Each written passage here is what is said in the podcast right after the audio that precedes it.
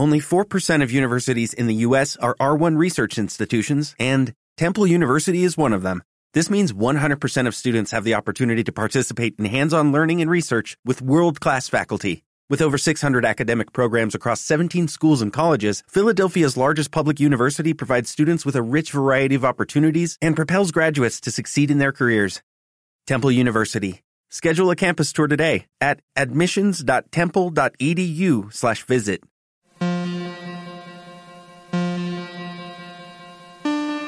Amigos, esto es Contraste.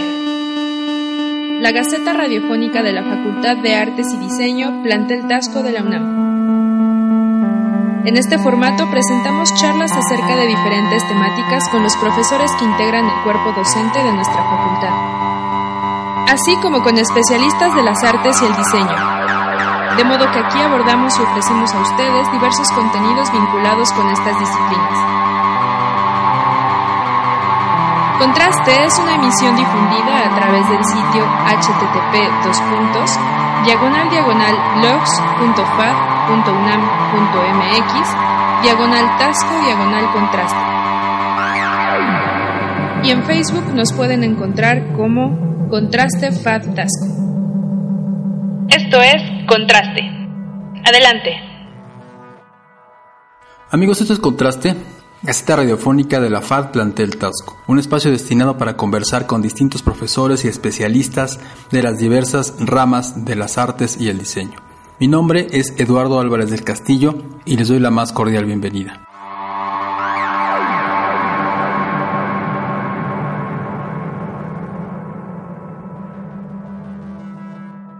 Amigos, esto es Contraste. En esta ocasión presentaremos a ustedes la entrevista que hizo recientemente Yasmín Rosales Espinosa, alumna egresada de la licenciatura en Artes Visuales de nuestro plantel, al doctor Arturo Miranda Videgaray, quien fue el primer coordinador de estas instalaciones que fueron conocidas como el Centro de Extensión Tasco.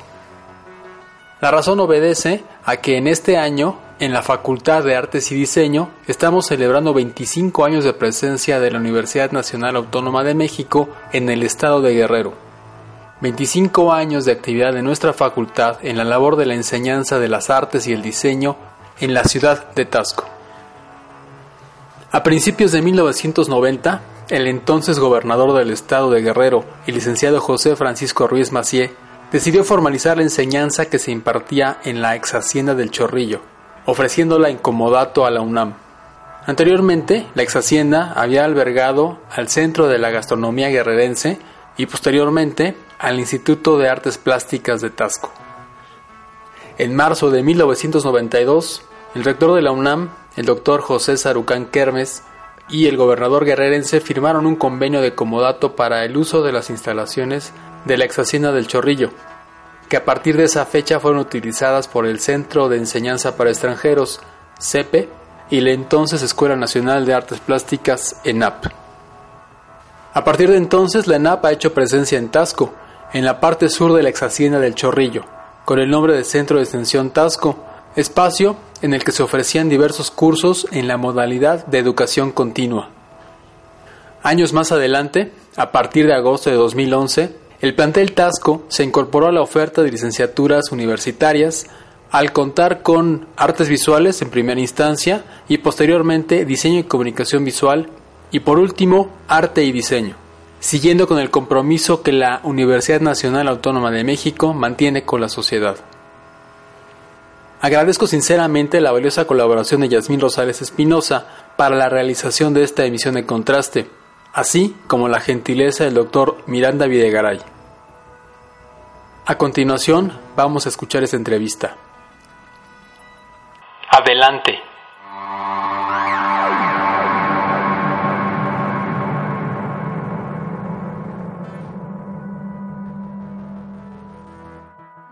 Pues buenos días, profesor Arturo Miranda.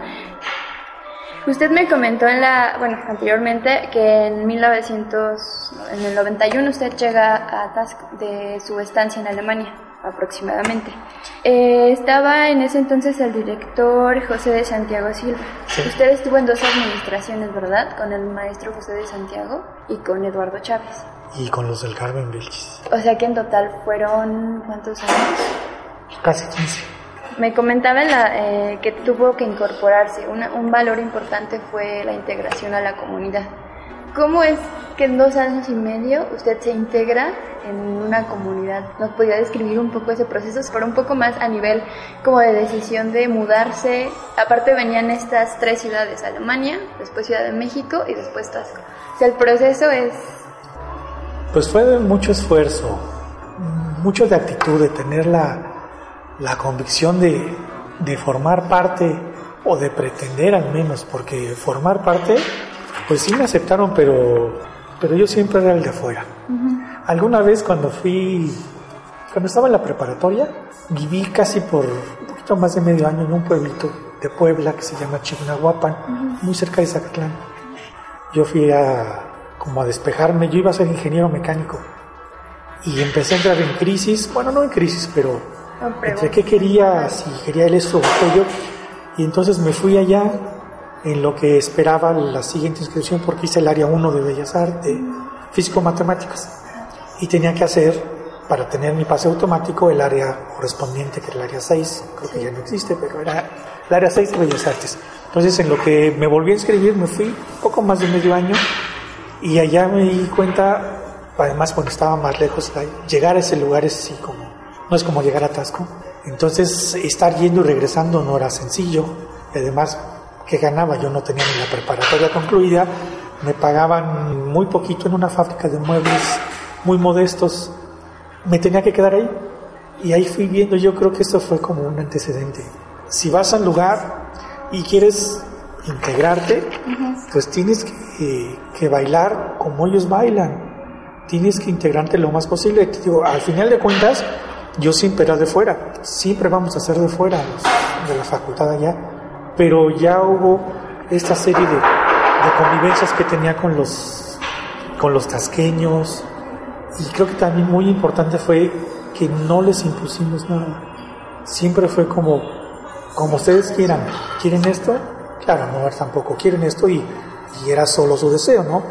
Procurábamos que hubiera cierto rigor académico, cierta exigencia, seriedad, formalidad, puntualidad, continuidad, pero siempre como preguntando su, su punto de vista, tomándolos en cuenta, no llegando con planes y de, estudio o con ideas artísticas en las que se les descalificara. no llegamos a decirles ustedes están mal, tienen que aprender otra cosa, sino ustedes tienen lo que tienen, pero pueden enriquecerlo con más conocimientos.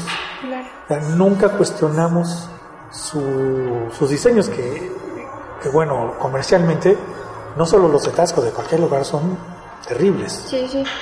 Bueno, en esta medida usted menciona que trataban de dar este tipo de pautas de formalidad, puntualidad y todo, que es una manera de, conocer tal vez a la, población del lugar y saber que les podrían como interesar estas otras maneras de ver, ¿no? La producción. ¿Cómo es esa, ese diálogo que usted entabla? O sea, como Arturo Miranda, cómo voy a desarrollar esto, con qué herramientas lo, Bueno, primero era que no sintieran que yo me sentía más que ellos. Yo venía con un grado, ya había concluido, me faltaba una, una asignatura para concluir la maestría, pero prácticamente ya tenía todos los créditos. Tenía el grado de la especialización que tenía de Alemania, los estudios de la licenciatura. Entonces, que ellos no sintieran que yo pensaba que yo era más que ellos. Eso siempre tuve mucho cuidado. No somos mejores, a lo mejor tenemos una formación universitaria, pero eso no quiere decir que seamos más o mejores, simplemente que tenemos ciertas características. Pero ellos, como experiencia de vida y del oficio, pues ellos sabían mucho más que nosotros, porque los profesores de platería, salvo uno, Ignacio Gómez, que era más o menos de mi edad, sí. Los otros, Bruno Pineda, Adán Alvarado y Filiberto Gómez, eran, perdón, Bruno Pineda, creo que él era el más grande, pero eran más o menos de la edad, eran personas ya mayores, ya, con una trayectoria y unos conocimientos no solo del oficio de platero, sino en general diría mucho más profundos y grandes que los que teníamos nosotros, muy universitarios, muchas becas, porque además todos los profesores que estábamos ahí, la de pintura, los que iniciamos. El Payares había tenido este, una beca en Francia. Víctor Hernández, su beca en Polonia. La de Enriqueta Rosete también estuvo en Alemania, que daba dibujo. Eh, bueno, Manuel Sánchez Santovenia tenía un trayectoria gigantesca. En general todos teníamos estudios de posgrado y formación universitaria bastante amplia. Pero siempre les me remarcaba mucho, no somos más. Y esa actitud de somos iguales, simplemente con estudios no, no en la universidad, pero estudios y experiencia en otro sentido, era equiparable a lo que nosotros teníamos. Claro. O sea, nosotros teníamos a lo mejor enriquecido alguna zona, algunas áreas, pero ellos tenían enriquecidas otras que nosotros no. De este proceso sería como tratar de romper un juicio o un prejuicio que existía en la comunidad a través de, de una integración que al parecer estos dos años y medio en el que usted vivió en Tasco, pues fue ese proceso. Pero los demás profesores me comentó que algunos no. ¿Cómo es que algunos académicos aún así no, no entrarían en ese? ¿Cómo fue usted su diálogo con estos académicos para que participaran en el proyecto integrándose? Ahora sería como con un igual, ¿no? por así decirlo. Pues era, sí, como dices, el prejuicio, ese prejuicio pues absurdo que tenemos de que el artesano Sí. y el artista, el artista es wow, más con A mayúscula. Y el artesano es con O minúscula. El artesano hace artesanías, no hace arte. Y sí es cierto, hay artesanos que hacen artesanías. Yo diferencio mucho el arte, la artesanía con el arte popular y el arte. La artesanía es, para mí, como yo lo veo, que yo también tengo mis buenos prejuicios, bien arraigados. Sí, profundos, creo que de alguna manera. pero la artesanía se diferencia del arte popular en que la artesanía es el arte populachero. El arte populachero es, por ejemplo, todo lo que es muy mecánico, que no es reflexión. Por ejemplo, así ejemplos muy, muy claros, es en música, toda esta música de Yuri, este Talía, Sí, claro. este, este muchacho. Ay, se me fue su nombre, Luis Miguel, Luis Ay, Miguel Luis este, los timbiriches, todo ese tipo es populachero, no es arte popular. El arte popular es el que hacen las máscaras de Guerrero, las máscaras de, de, de Chiapas, de Oaxaca, los textiles oaxaqueños, lo que hacen los seris, los tarahumares en Chihuahua, todo este grupo de gente que está marginada de alguna manera, pero no quiere decir que sean menos que nosotros, ni son menos inteligentes, ni son menos sabios que nosotros. Lo que pasa es que tienen otra forma de ver la vida, tienen otras necesidades. Nosotros tenemos, creemos por ser, vivir en la ciudad y por este no usar calzón de manta o de cabeza de indio o no usar guaraches, nos sentimos, además tenemos raíces europeas. Entonces nos sentimos más, y ese es un prejuicio, pues perdón que diga, bien estúpido, Sí, sí. absurdo totalmente. Entonces sí había que luchar contra ese, ese prejuicio, y yo le daba su lugar a los artesanos, porque eran a veces, hacían piezas a veces mejores que las que estaban expuestas en el Museo de Arte Moderno, que está a veces lleno de, pues, de basura, Sí, sí. no todo, tampoco es radical, No, no. pero muchos artistas con una mayúscula que están adentro de los museos y el circuito de galerías y demás, pues son mucho menos artistas que el artista anónimo que talla máscaras en la sierra, en la montaña de Guerrero. Entonces sí, había algunos profesores como que no les... Tenemos ese prejuicio desde que nacemos, ¿no? Sí, que sí. somos mejores, somos más. Y el indígena, por ser indígena, es una subespecie. Y no, ya quisiéramos tener más sangre indígena. Nosotros, Sí. ellos son, son gente sabia. Claro, en, en este sentido, no sé, tal vez estoy cayendo ahora en un prejuicio, decir que la academia puede tender a influenciar una visión de este tipo y que tal vez se confrontaba con la tradición de estas personas que mediante la experiencia hacían de este proceso, experiencia, contacto con la materia, una pieza que es reconocida como arte popular.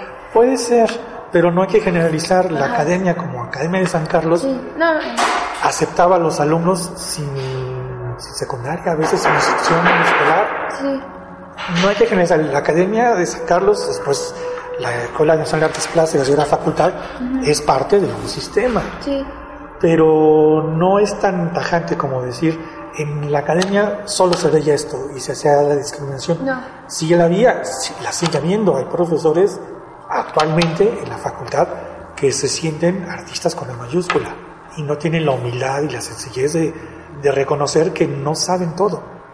Hay quienes gritan a los cuatro vientos que saben y que son lo mejor del universo. Y yo creo particularmente que cuando tienes esa actitud, como artista ya estás muerto. Siempre tienes que tener esa humildad de, yo estoy aprendiendo, estoy aprendiendo. Yo a mis alumnos se los recalco mucho. La única diferencia entre ellos y mi persona es que yo tengo más años pintando. Ni soy mejor, ni soy la autoridad. Me equivoco igual que ellos. Somos lo mismo. No, simplemente hay más experiencia, pero no hay esa, ese prejuicio, ¿no? Que finalmente sí la academia como parte de un sistema tiene ciertos requerimientos académicos. Pero hay muchos profesores, ahorita me acuerdo, Jesús Martínez, Sí. que no tiene los estudios de la- universitarios y qué pero le podemos poner a su trayectoria y a la obra que produce es de primerísima y así como él los profesores grandes de la, de la facultad porque los jóvenes ya vamos teniendo esa formación ¿no? pero bueno Aceves Navarro Luis Nishizawa vivo que está trabajando Alejandro Alvarado Sí, son grandes trayectorias. ¿no? Entonces estaríamos hablando de que el compromiso es otro de los valores que resaltaría, ¿no? El compromiso con lo que estaba desarrollándose en ese entonces. En este proceso de compromiso, como ya lo platicó en, la- en el inicio de esto, había un compromiso con el espacio, que es Tasco, ¿no? Como población, para conocerla, para integrarse. ¿Cómo, cómo es que la táctica de desarrollar eh, talleres, exposiciones, eh, me comentaba que inclusive llevar eh, unión con la escuela de música, de danza, se va, eh, se va ampliando a más comunidad y, y digo, usted como nivel profesional llegó a resultarle un poco a veces cansado y preguntarse como para qué hacía todo ese proceso. Eso me sigue pasando Ajá. a veces a veces ir contra la inercia, contra la corriente, Sí.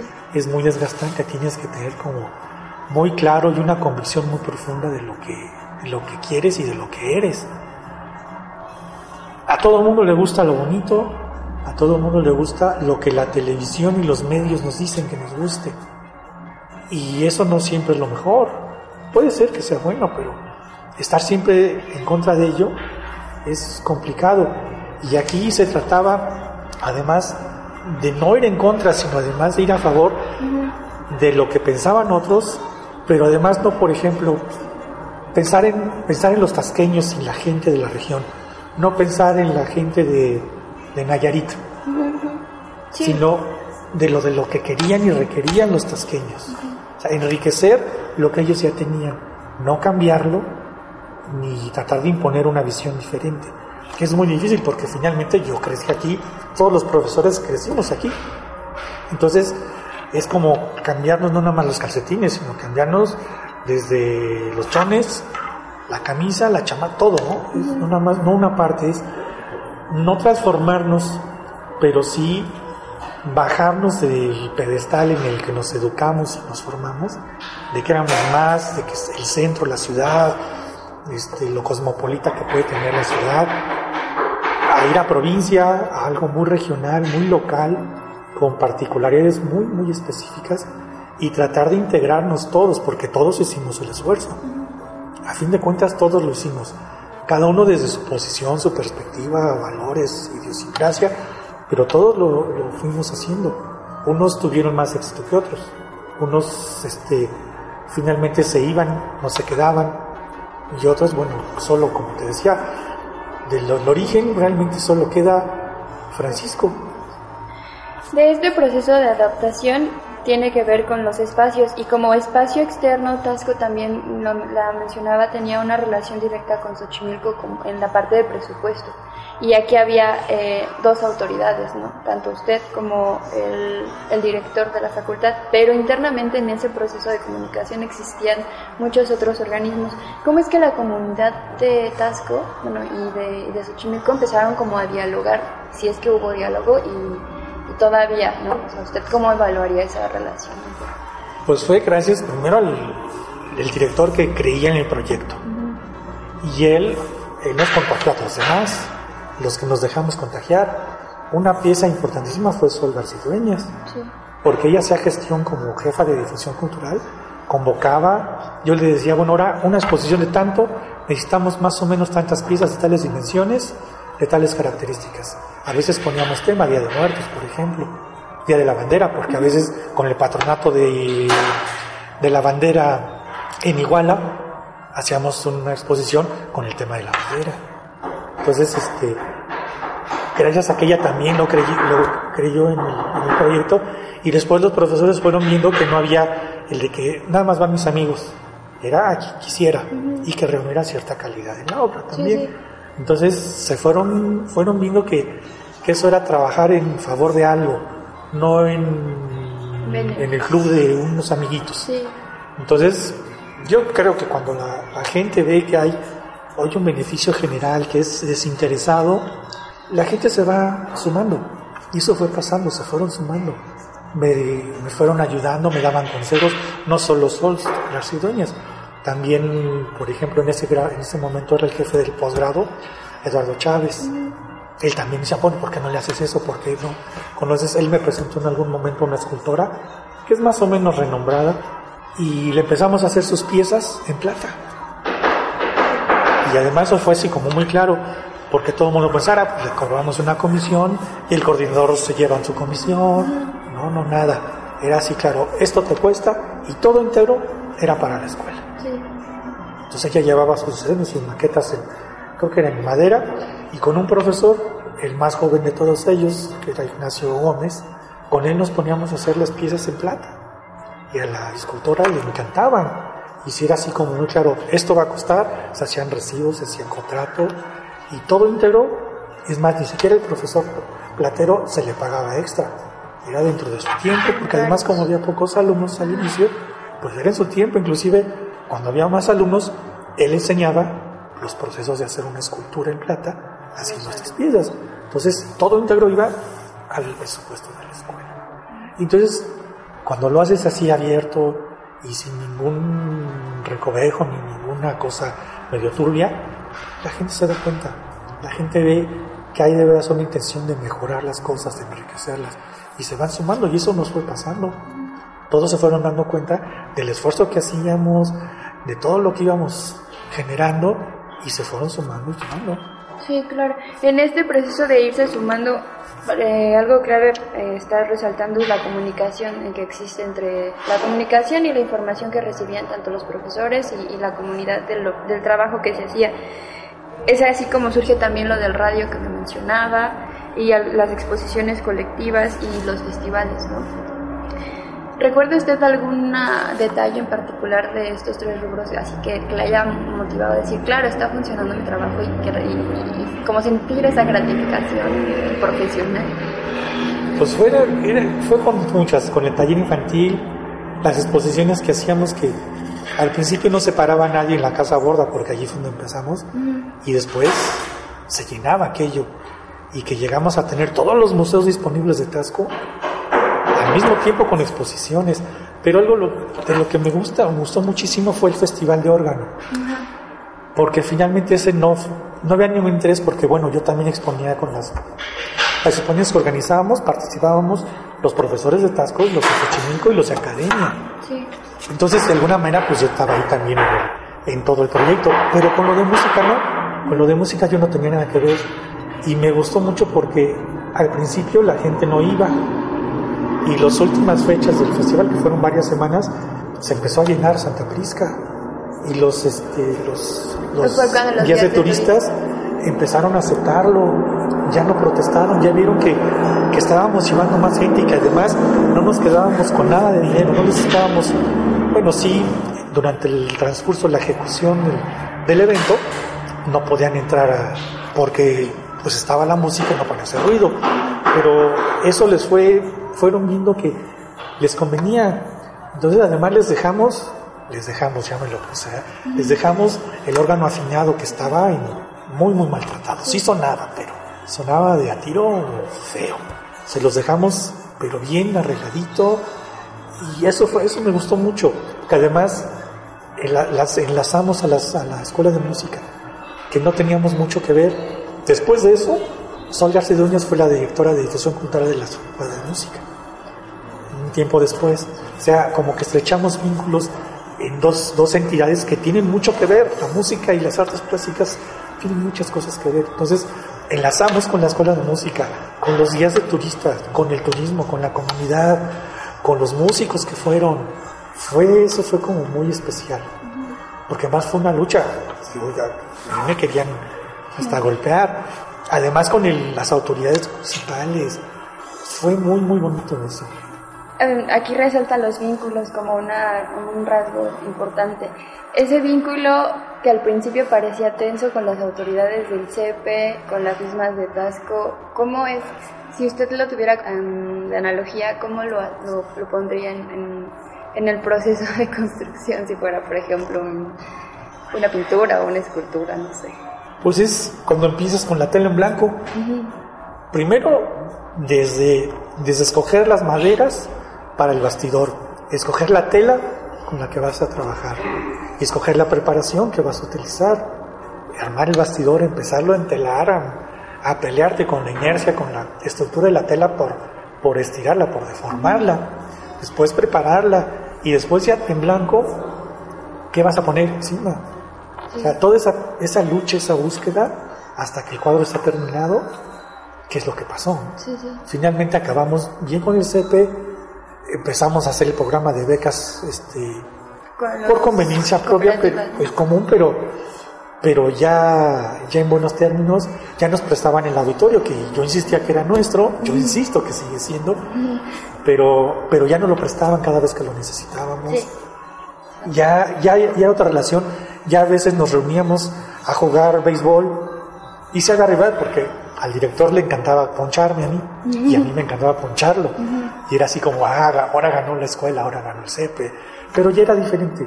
Se limaron todas esas perezas Sí. y pudimos trabajar y creo que todos lo entendimos en favor de la universidad y lo más importante, en favor de la comunidad local.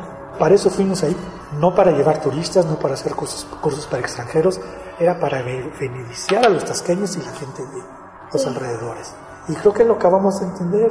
Y además finalmente sí llegaron muchos, muchos extranjeros, que es muy sano porque traen otra visión, enriquecen la, la visión local, pero ya era otra actitud, ya no estábamos aunque siga habiendo esa rivalidad, finalmente hay rivalidad entre nosotros de arquitectura y estéticas, entre ingeniería y ciencias, física, o sea, hay una rivalidad, pero es una rivalidad que genera cosas, no que las obstaculiza. Sí, sí, sí. Yo lo podría hacer de esa manera, como la creación de una escultura, ¿no? Es que, que escoges si vas a hacer modelado o vas a devastar, si vas a construir, ya sea con metales o no sé, y cómo vas con ese proceso de irla haciendo hasta que tienes la pieza terminada. Todos esos pleitos y esos conflictos que surgen, el que avanzas y retrocedes, eh, aciertas, equivocas, corriges, rescatas, hasta que la tienes terminada. Nos mencionaba, eh, bueno, que el- la noción del juego de fútbol fue parte de la integración dentro de ese proceso y que era en una cancha con muchas, de repente, piedras. Era un eh, llano. Así, un llano. Y irregular además. ¿sí? Que parecía que es al- algo a lo que sucedió cuando usted llegó, que era totalmente una situación donde no existía nada, ni siquiera noción, ¿no? Sí. Usted como jugador de esto, eh, nada más ya para terminar, díganos eh, cómo fue tu proceso y si tuvo obras, en- bueno, también si creó obras gracias a este juego. Vaya, si yo hice como, como sí, actividad sí. artística, Sí. como mi proceso de artista, Ajá, ajá. sí, sí, yo me daba, inclusive, ahí fue un poco más sencillo porque yo era, yo era la autoridad máxima, porque el director estaba aquí, entonces finalmente yo era ya la autoridad máxima. Y lo hice inclusive cuando fui jefe de educación continua, cuando fui el jefe de estudios profesionales en, en Xochimilco, ay, se me olvidaba, Ajá. los, la antigüedad como administrativo de casi 15 años, hay que agregarle que fui coordinador de la maestría, pero fue un cargo honorario, no me pagaron y tuve un nombramiento oficial con Daniel Manzano. Entonces, cuando tuve siempre algún cargo, Sí. yo siempre he peleado y he visto cómo, bueno, no peleado, he luchado conmigo mismo, por supuesto, para organizarme y dejarme mi tiempo para mi creación y, y las clases. Y yo siempre he estado haciendo, participo en exposiciones y estoy pintando y pintando. Hago escultura, arte digital, dibujo, grabado. Y siempre veo cómo, yo no sé cómo le hago, pero mi trabajo administrativo que, que es enriquecedor y es gratificante, pero, pero lo más importante, yo soy artista. Yo sigo, no he, nunca he dejado de producir. He visto, siempre he visto ver cómo le hago, pero por lo pronto en la oficina tengo mi caballete, una mesa para grabado y dibujo. Entonces entra la gente y huele, huele a los solventes, pues, pues no, lo siento mucho. Yo soy artista.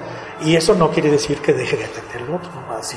Te comprometes y aceptas un cargo, una responsabilidad, pues tienes que cumplirla. Entonces siempre, hasta ahora he podido, siempre que tenido un cargo, además he dado mi clase, claro, no doy muchas horas porque sí, tampoco se puede abarcar tanto, pero mi trabajo, tengo una ventaja que normalmente yo trabajo en la noche, porque la luz me gusta, la luz artificial me gusta, porque no controlo el color, no controlo intensidades, y ha llegado la mañana, veo las cosas y yo mismo me sorprendo de lo que estoy haciendo. No hay ruido, no hay distracciones, a mí me gusta mucho trabajar de noche.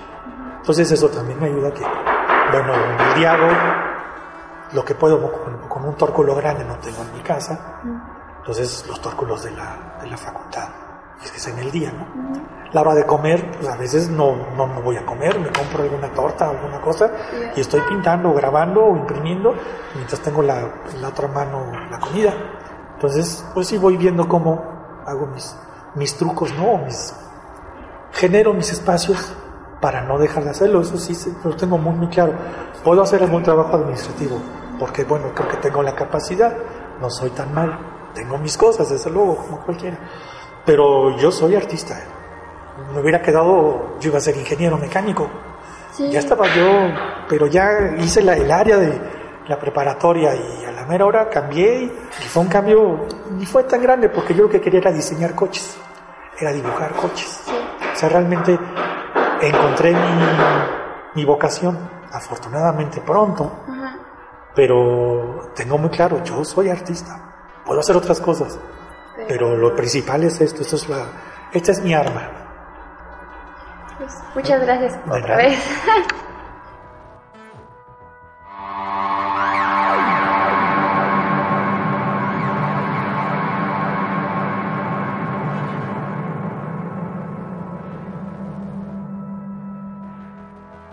Para despedirnos, solo quiero recordar que pueden escuchar y descargar este podcast a través del link blogs .fad.unam.mx diagonal tasco diagonal contraste. Mi nombre es Eduardo Álvarez del Castillo. Hasta la próxima.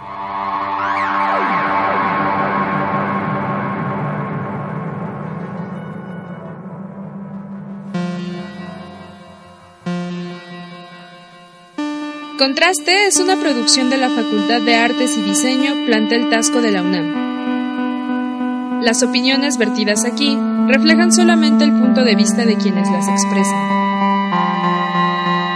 La Facultad de Artes y Diseño Plantel Tasco se encuentra ubicada en la ex hacienda del Chorrillo. Pueden localizarnos a través de los teléfonos 762-622-3690 y 622-7869 así como a través de la página web www.fad.tasco.unam.mx y por medio del blog http dos puntos diagonal diagonal blogs.fad.unam.mx diagonal tasco diagonal contraste.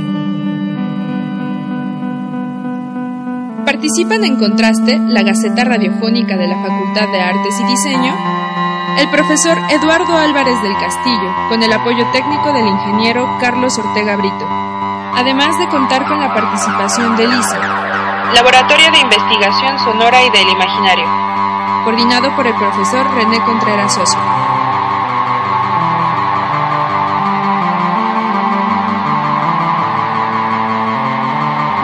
Es Ana Laura Hernández Vázquez. Me despido cordialmente invitándolos para escuchar la próxima emisión de Contraste. Por mi raza hablará el espíritu.